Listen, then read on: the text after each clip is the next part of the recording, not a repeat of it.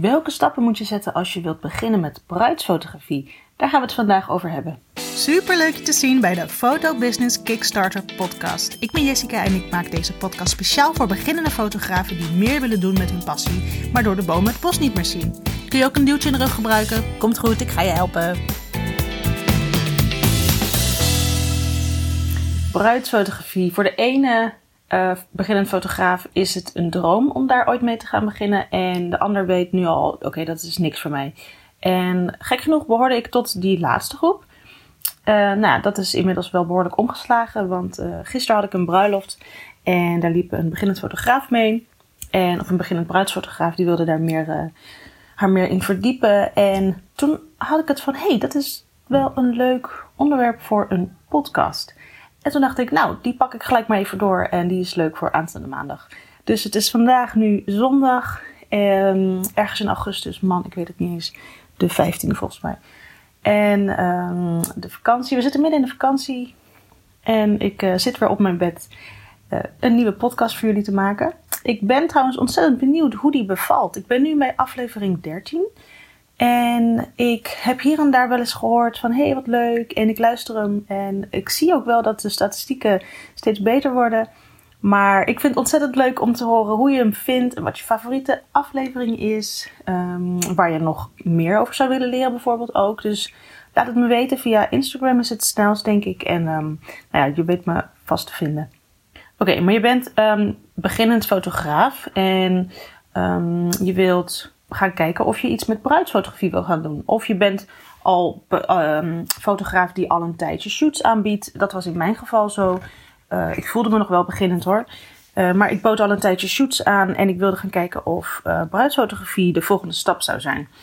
Ik dacht dat het misschien wel leuk zou zijn, omdat toch veel fotografen die eenmaal zich storten op de, op de lifestyle fotoshoots, vaak dan, of de, of de, de, de fotoshoots voor gezinnen en dat soort um, um, onderwerpen, die hebben toch altijd wel een bepaalde um, ambitie in de bruidsfotografiehoek.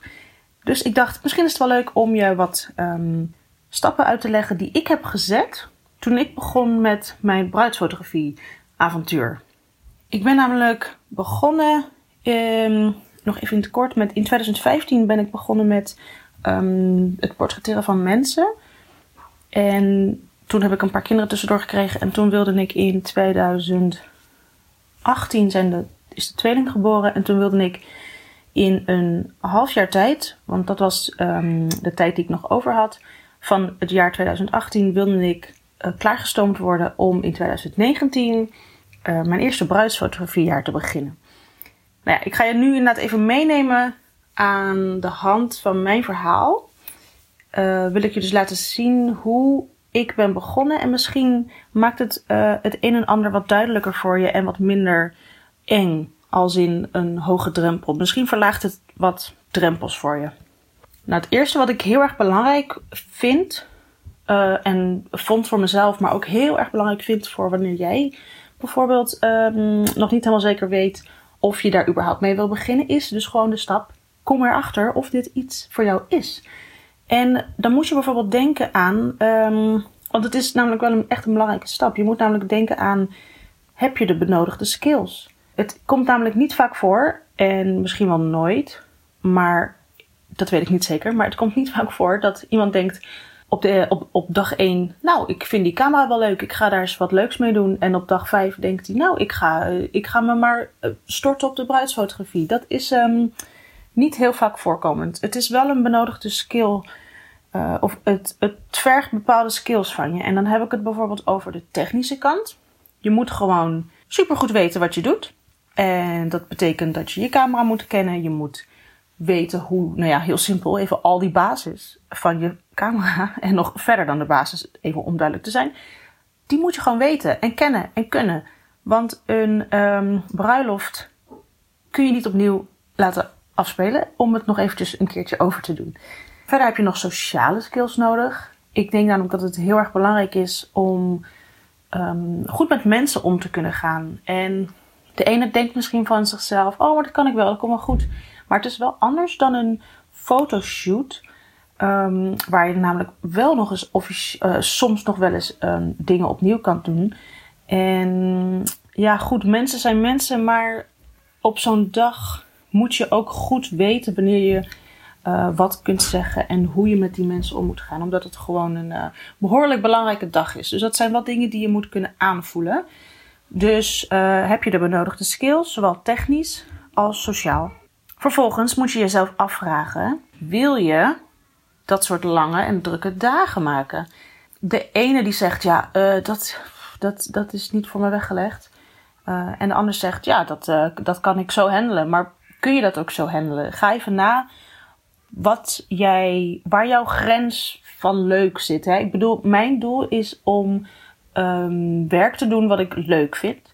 En ik doe het gewoon heel goed op um, een dag van 12 uur maken. Wat heel vaak voorkomt in de bruidsfotografiewereld. En daarna werk ik de hele week thuis achter mijn computer in alle rust om die bruiloft op te leveren. Nou ja, dat is gewoon even heel erg hard knallen. En daarna heb je weer de rust om, het, um, om wat bij te komen, om het maar zo te zeggen. Maar wees je dus bewust van het feit dat dat de, uh, de, de omstandigheden zijn. Dat je lange dagen maakt, uh, veel in de auto zal zitten waarschijnlijk. Um, dat je van hot naar her moet racen, wou ik zeggen. Maar dat wil ik niet heel erg um, promoten. Ik zal gewoon rustig rijden. Uh, maar dat, dat, dat, je bent bijna nooit op één locatie de hele dag op een, um, op een bruiloft. Dus het zijn behoorlijk pittige dagen.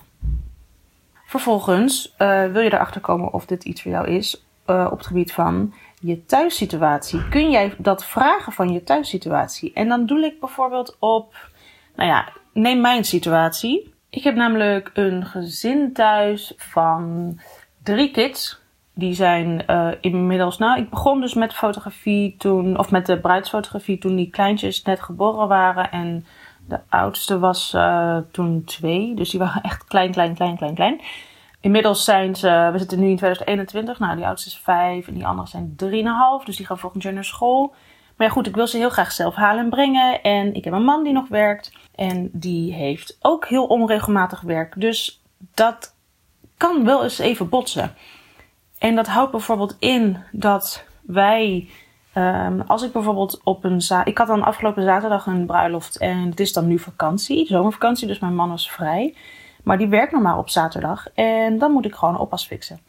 En dan denk je, nou ja, ik had wel een oppas fixen gewoon een keer. Ja, natuurlijk. Maar als jij uh, de ambitie hebt om 25 bruiloften te schieten en je hebt voor elke keer een oppas nodig, dan moet je dat ook wel kunnen handelen of een oppas fixen. En ik bedoel, um, misschien gaat het heel makkelijk bij de een, maar ik weet ook gewoon dat niet iedereen uh, heel makkelijk oppasuren kan um, vullen met oppas. Dus, maar wees je dus wel be, uh, bewust van het feit dat het wel impact heeft op je thuissituatie. Mocht je nou nog geen gezin hebben, uh, dan is je hond of je kat misschien nog wel wat makkelijker achter te laten.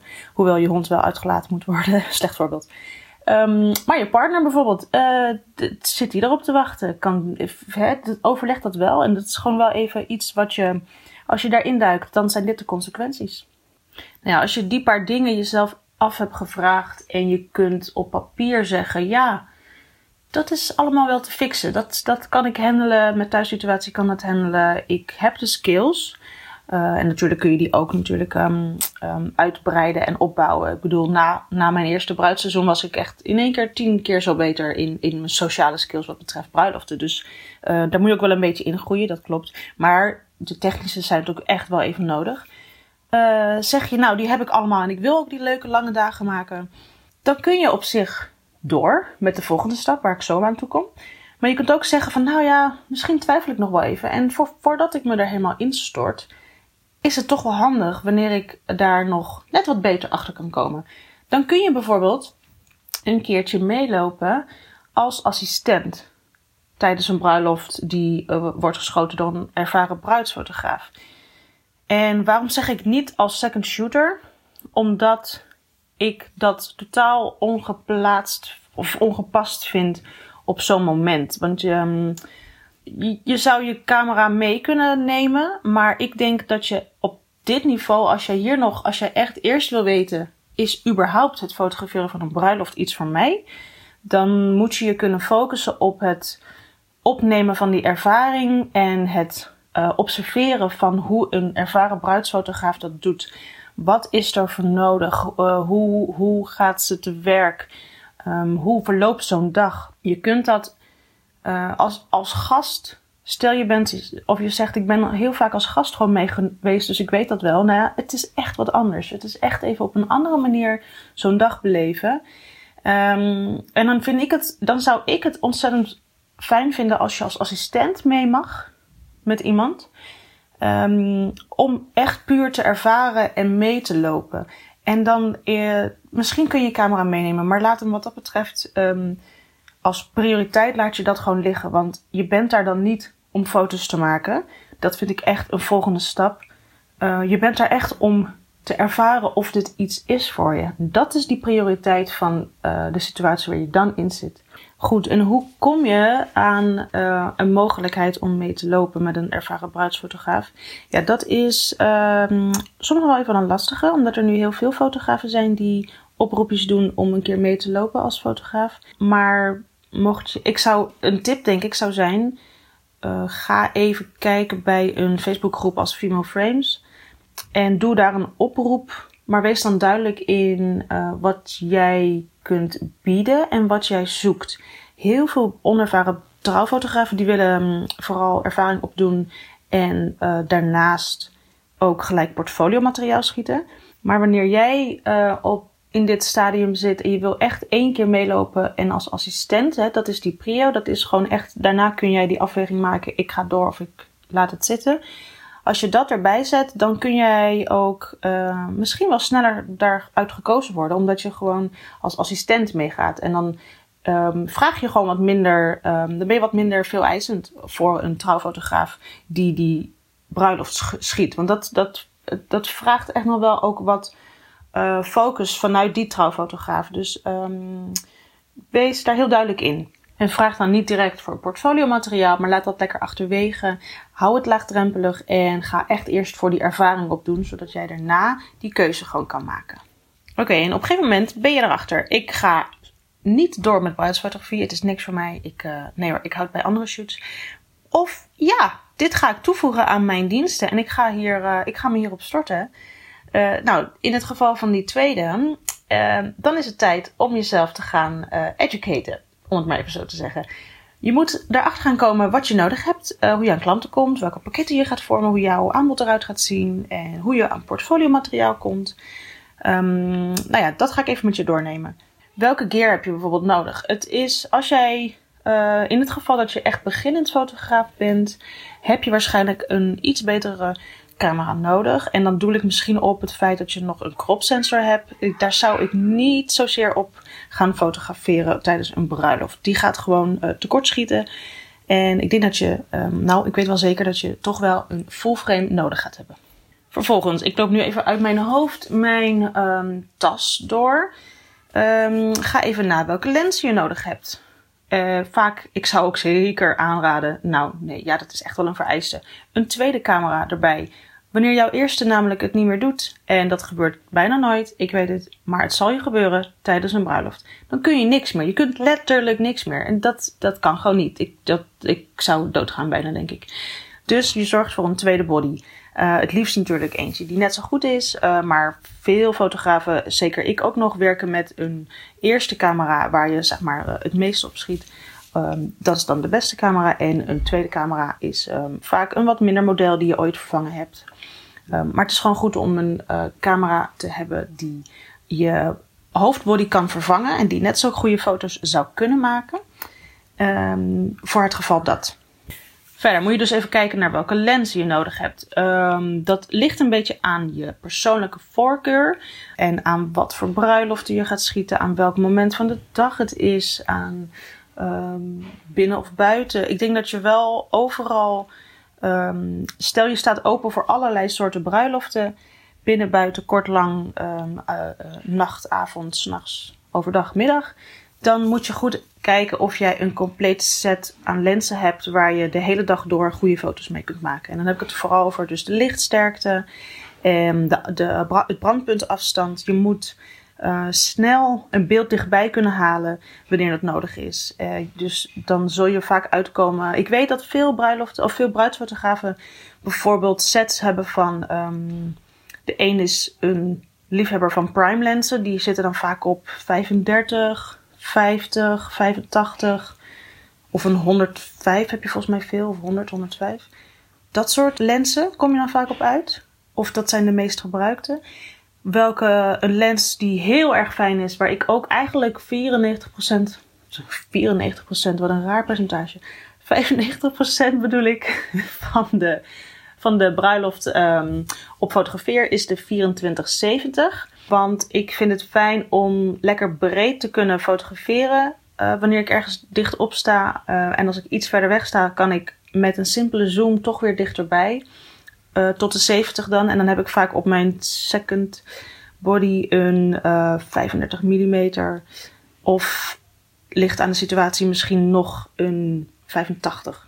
Maar goed, je hoort het dus al. Dat is uh, ook goed om te weten wat jouw persoonlijke voorkeur heeft. Ik weet wel dat prime lens ontzettend mooi zijn. Maar ik heb mezelf aangeleerd met de 2470. En dan heb je misschien één lens minder nodig. Um, maar dat zijn ook dingen om uit te proberen. Je moet, je moet echt gaan testen. En dat kun je bijvoorbeeld ook doen door een lens te huren.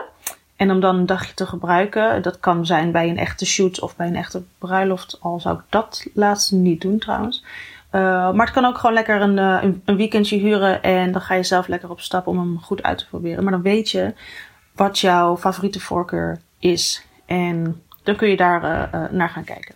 Verder zou ik zeker investeren in een harnas. En daar heb je echt verschillende soorten en maten van. maar het gaat erom dat jij um, het is belangrijk dat het een stevig harnas is. En vaak zie je dat die van leer gemaakt is.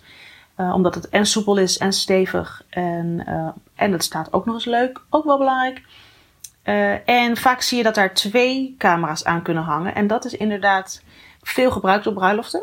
Zodat je tijdens situaties waar je niet kan wisselen van camera, kun je snel, dus wanneer je niet kan wisselen van camera op een rustige manier, zodat je dat snel kan doen, omdat je allebei de camera's aan je uh, harnas hebt hangen. Verder zie je ook veel dat een flitser handig is om te hebben. Een groot deel van de bruidsfotografen is niet heel erg blij met het flitsen tijdens een bruiloft. Ik zou het ook zo. Ik doe het zo min mogelijk. Ik vind dat is wel een onderdeel van mijn stijl, maar van een hele hoop fotografen hun stijl is werken met natuurlijk licht. Maar op een gegeven moment is het avond en dan komt er een feest en dan is er geen natuurlijk licht meer. En dan moet je wel. En dat is, kan een keuze zijn. Je hebt ook fotografen die niet avondfeesten uh, vastleggen. Maar je hebt ook in september uh, een donkere dag, overdag, veel regen. Dan kun je niet buiten fotograferen omdat de ceremonie zich niet buiten bevindt. Maar in een donkere houten schuur zonder veel ramen, ik zeg maar wat. Dan moet je ook kunnen, kunnen fotograferen. En dan moet je waarschijnlijk wel investeren in een flitser en in educatie wat dat betreft. Want uh, dat is nog wel een ding, flitsen. Misschien moet daar nog een, uh, een losse podcast over gemaakt worden. Flitsers overigens hoeven niet heel duur te zijn. Uh, wanneer je het houdt bij één. volgens mij was die van mij een eurotje of nou ja, onder de 100. En dan een hoop, een hoop batterijen, want dat vreet hij wel. En een camera die dat natuurlijk wel kan hebben. En um, dan heb je wat dat betreft een basisuitrusting voor flitsers.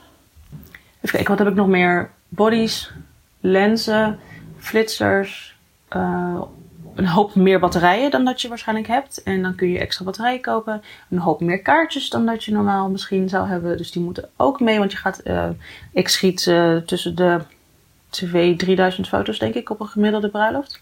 Dus die moet je kunnen, kunnen plaatsen. Verder heb ik mee, dat is het eigenlijk in de basis wel. Vervolgens kun je misschien alvast gaan kijken naar wat voor pakketten je wil gaan aanbieden.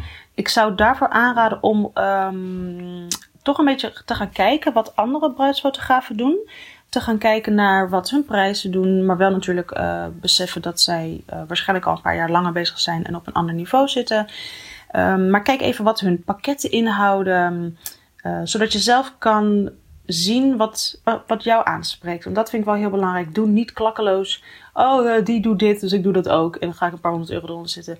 Kijk alsjeblieft even naar wat jij graag zou willen. Want wanneer jij dicht bij jezelf blijft, ook in wat je graag zou willen aanbieden, hou je het leuk. Kun je jezelf blijven. En dan kun je daarop je bedrijf gaan bouwen. In plaats van dat je doet wat anderen doen. Want, of doet wat anderen doen Omdat dat gewoon, op die manier ga je gewoon je bedrijf op een verkeerde fundering baseren. En dat is gewoon niet goed. Uh, verder moet je natuurlijk ook even een beginprijs vormen. En dat is wel even lastig. Um, dat ligt natuurlijk ook aan het niveau wat je gewoon überhaupt hebt. Ik weet niet of het wat waard is, maar ik fotografeerde brui of uh, shoots in de tijd dat ik begon met mijn bruiloften. Kostte mijn shoots iets van, oh dat weet ik niet eens meer. Een eurotje of 250 denk ik. En ik ben toen begonnen ik weet niet of dit een vergelijking kan zijn, maar ik geef maar wat informatie. En mijn 6 uurspakket zat volgens mij toen op 800 of 850 euro. En om te vergelijken, ik zit nu twee jaar, 2,5 jaar verder op 1350 voor 6 uur.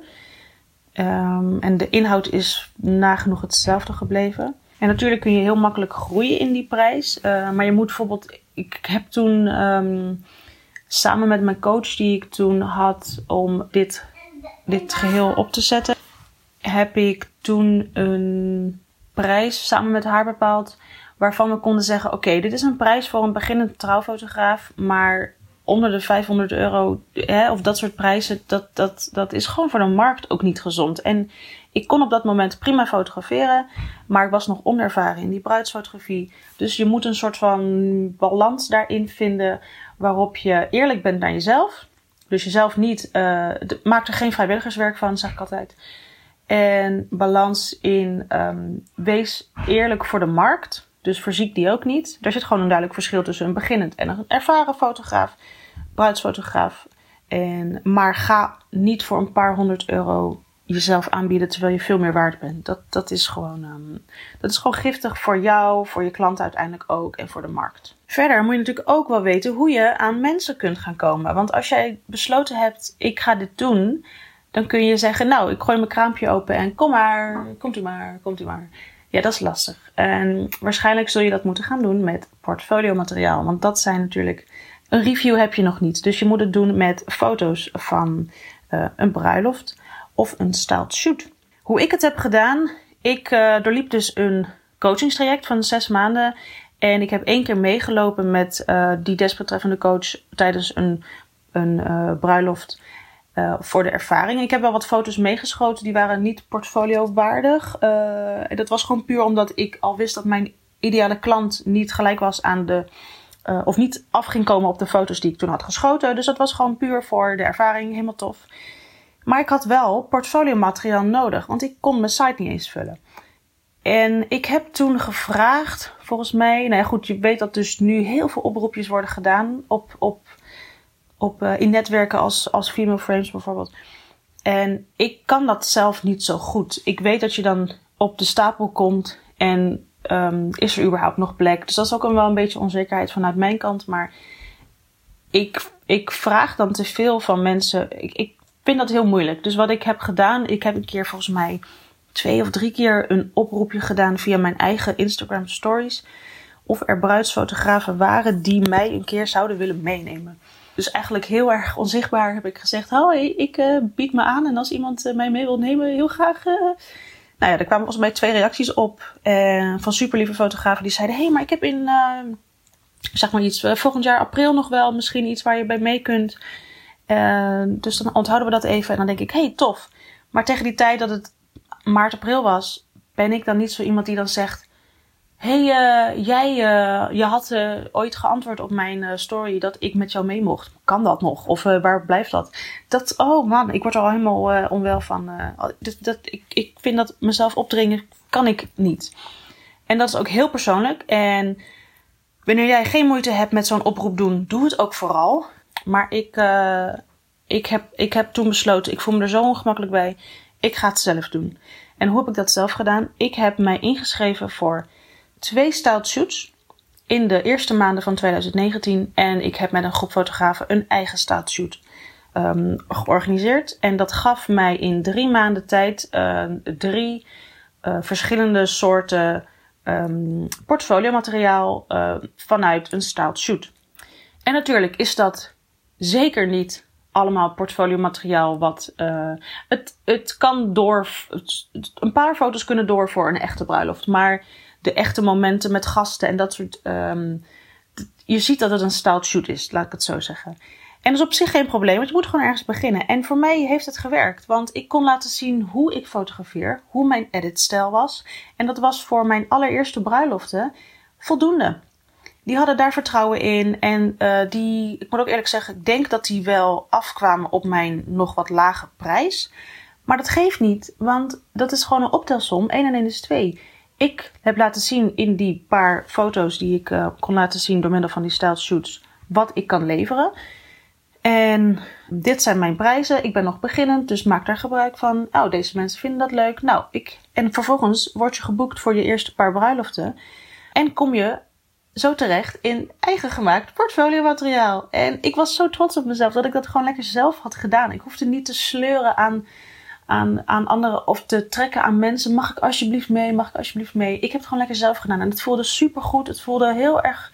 Ik voelde me heel groot in één keer. eh, doordat ik het zelf gedaan had. Dus dat is ook een optie. Dus als je je ook misschien ongemakkelijk voelt bij het maar blijven vragen bij mensen. Het kan ook op deze manier. Er is altijd een manier waarop jij dat gewoon kan doen. En denk bijvoorbeeld ook eens aan.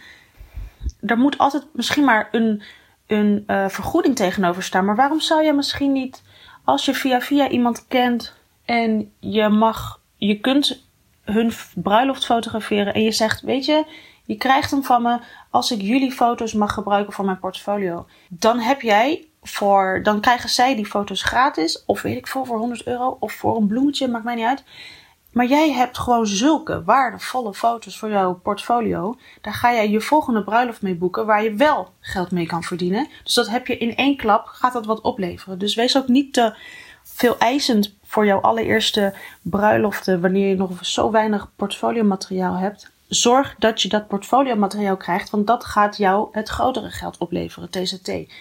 Maar wanneer je die drempel in het begin te hoog houdt, ga je nooit kunnen doorstarten. En ga je, dan hou je jezelf tegen. Dus wees daar niet al te moeilijk in. Eh, zorg gewoon dat je aan portfoliomateriaal komt, op welke manier dan ook. En zorg dat je lekker kan doorpakken. Dat is belangrijker. Goed, en dan heb je nog, hoe kom je dan aan klanten? Nou dat was, eh, ik was dus net begonnen met het feit dat je, de, dat je hen binnenkrijgt ehm, via portfoliomateriaal. Dat is natuurlijk stap 1. Ze moeten natuurlijk wel kunnen zien wat jij aanbiedt. Maar hoe, kom je, hoe komen die mensen bij jou terecht? Hoe kunnen ze überhaupt eh, zien wat jij aanbiedt? Nou ja, wees zichtbaar. Heb een website, eh, heb een social media kanaal waar jij ehm, laat weten dat jij dit doet. Laat jouw netwerk. Kijk, ik snap dat je natuurlijk nog niet gaat investeren in een hele dure advertentie bij de Perfect Wedding. Dat is, eh, dat, dat, het zou kunnen als je zegt: ik, ik heb dat ervoor over, het is het proberen waard. Prima, prima. Maar dit geld ligt natuurlijk niet altijd voor, het- voor het oprapen. En ga dan gewoon de gratis manieren. Een gratis manier is natuurlijk je website gewoon lekker bij iedereen onder zijn neus douwen. Doe, ehm, laat zien op je Facebook of in jouw, in jouw vriendenkring. Zeg, roep, schreeuw. Deel visitekaartjes uit. hey, ik ben dit aan het doen. En ehm, nu nog voor voordelige prijzen, weet ik veel. Maak er een grapje van. En laat je netwerk weten dat je dit doet. Dat is wel een van de eerste stappen om, om, om aan een eerste klantenkring te komen. En verder eh, kan ik hier denk ik nog echt vijf uur over doorgaan. Maar waar ik eigenlijk naartoe wilde gaan is dat het gewoon ontzettend veel waard is om te investeren in een workshop bruidsfotografie of in een e-book vorm heb je ze ook of op een coaching in een coachingstraject zoals ik heb gedaan. Ik heb dus gezegd luister, ik heb die tijd niet om dit allemaal zelf uit te vinden. Al vind ik het ontzettend leuk, maar dat kost me gewoon een jaar of misschien wel meer. Ik wil, ik wil volgend jaar, eh, dat was dus in 2019, wil ik ehm, de bruidsfotografie gaan doen. Red me en laat me zien hoe het werkt en neem me mee. En daar betaal ik graag voor, want ik kan op die manier sneller weer geld verdienen met die bruiloften. En dan heb ik het ook weer sneller terugverdiend. En ik heb gewoon een hele hoop tijd gewonnen en dat is me ontzettend veel waard. En op die manier krijg je ook een enorm goede boost. Uh, je leert gelijk een, een ander netwerk kennen met andere bruidsfotografen waar je ook weer van kan leren. En het is gewoon heel gezellig. En ik denk dat dat een hele goede zet is om daar uh, in te investeren. En wees dan niet bang om alsjeblieft een paar honderd euro te investeren. Of misschien wel, weet ik veel, duizend euro, doe eens gek. Om dat te investeren. Het gaat jou wat opleveren. Heel veel tijd, waardoor jij dus sneller dat bedrag weer terug kan verdienen. En anders ben je jaren aan het, aan het, aan het steggelen en aan het, etteren. Dat, dat, in ieder geval, als je dat wil, dan moet je dat vooral doen. Maar ik, ik ben daar een beetje klaar mee en ik wil gewoon uh, doorpakken. En dan heb ik dat er gewoon simpelweg voor over. En heb ik dat dan ook weer snel terugverdiend. Goed, tot slot is een stap die ik vervolgens heb gezet. Hè. Dus stap 1 was, um, ik, ik wilde er eerst even achter komen of dit iets voor mij was. Nou ja, wat heb je daarvoor nodig? Vervolgens um, ben, zijn we uh, gewoon gaan doen. En in ieder geval ben ik mezelf gaan um, alles gaan aanleren door middel van coaching en door middel van portfolio materiaal, digitaal shoots en dat soort dingen. Maar de laatste stap is gewoon gaan, gaan, gaan. Probeer aan bruiloften te komen en vind je eerste bruiloften. Nou als het goed is, um, uh, is die dus in combinatie met jouw tarief. Daar komen gewoon. Daar, dat, er zijn ook genoeg mensen die gaan trouwen en die hebben niet een tarief. Of die hebben niet een budget van, een, uh, van tienduizenden euro's. Dus die, hè, er is altijd wel een, een, uh, een dekseltje wat op een potje past. En op die manier kun je gewoon gaan groeien binnen die branche. En blijf, uh, je kunt ook gewoon blijven oproepjes doen voor het meelopen als second shooter. Zeker wanneer je al wat portfolio materiaal hebt, kun je dat meesturen. Dan weet je, dan weten andere fotografen ook um, welk niveau je zit. En um, daar zit ook op elk dekseltje weer een potje. Andersom, op elk potje een dekseltje. En wat ik ook zou willen aanraden is om na elke paar bruiloften je tarief te verhogen. Ik ben volgens mij, ik, ik leerde toen in de praktijk zo ontzettend snel, dat, dat gevoel had ik, dat ik ben gaan verhogen na volgens mij de eerste drie bruiloften of zo. Ik, ik, even voor je beeld, ik heb er, god hoeveel heb ik er gehad in het eerste jaar? Toch nog, toch nog dertien volgens mij. Dat was trouwens wel mijn record, want daarna kwam natuurlijk corona en was het allemaal, allemaal niks. Maar ik ben volgens mij na de eerste paar bruiloften 100 euro omhoog gegaan. Toen had ik er weer drie geschoten, weer 100 euro omhoog. Uh, of iets meer. En toen was, kwam er een vakantieperiode. Na de vakantie 100 euro omhoog. En zo ben ik volgens mij gegroeid in het eerste jaar met een eurotje of 500 of iets in die trant. Maar als jij um, van nul bruiloften in één keer schiet naar 10 bruiloften, of 5 of 8, ik weet niet, maakt niet uit. Je doet zoveel ervaring op. Je weet direct uh, voor de volgende bruiloft wat je wel en niet of beter kan doen of minder goed. Hè, dat dat is gelijk. Je bent gelijk meer waard. Gelijk. Dus doe dat ook vooral. En je doet dan ook op een gegeven moment makkelijker mee met de concurrentie. Omdat jij natuurlijk dan steeds sneller meer portfoliomateriaal binnen hebt geharkt. Omdat je een aantal bruiloften hebt kunnen doen. Dus, zo, uh, dus als dat balletje eenmaal rolt, kan het heel erg snel gaan. Goed, ik hoop dat je op deze manier een beetje hebt mee kunnen pikken wat er allemaal komt kijken wanneer je uh, zou gaan willen starten met bruidsfotografie. Uh, ik ben een beetje van de hak op de tak aan het springen. En dat, dat ligt gewoon aan mijn manier van, van dit verhaal vertellen. Mocht je nou nog een vraag hebben hierover, of je bent benieuwd naar hoe ik een bepaalde stap heb gedaan, of waarom niet, waarom wel, laat me dat alsjeblieft weten. Ik vind het zo ontzettend leuk om je verder te, te, te, te helpen. Dat is ook de reden waarom ik deze podcast überhaupt maak. Um, om gewoon inzichtelijk te maken dat het niet altijd heel erg eng is. Maar als je gewoon een beetje weet wat je kunt verwachten, dan um, kun je die stap gaan zetten. Goed, dit is volgens mij mijn allerlangste podcast ooit. En um, 36 minuten zie ik nu staan. Maar dan moet ik hem nog editen. Nou, hij zal de 30 minuten wel halen. Uh, ja, jeetje. ik, ik luister, um, luister hem vooral nog een keer als je, als je inderdaad um, wil beginnen met bruidsfotografie. En als je tips wil over waar je misschien kan beginnen of over andere dingen, inderdaad, stuur me alsjeblieft een bericht. Ik help je nogmaals heel graag verder. Ik ga nu gauw eten koken, want het is alweer tijd. En dan spreek ik je volgende week weer. Doei! Dat was hem weer. Mocht je nu denken dit was waardevol, deel dan deze podcast met iemand die de tips ook kan gebruiken. En daarnaast word ik natuurlijk super blij van een review. Dus laat me vooral weten hoe je het vond. Stuur een berichtje via Instagram via jessica.groenewegen of laat een review achter in je podcast app. Tot de volgende keer!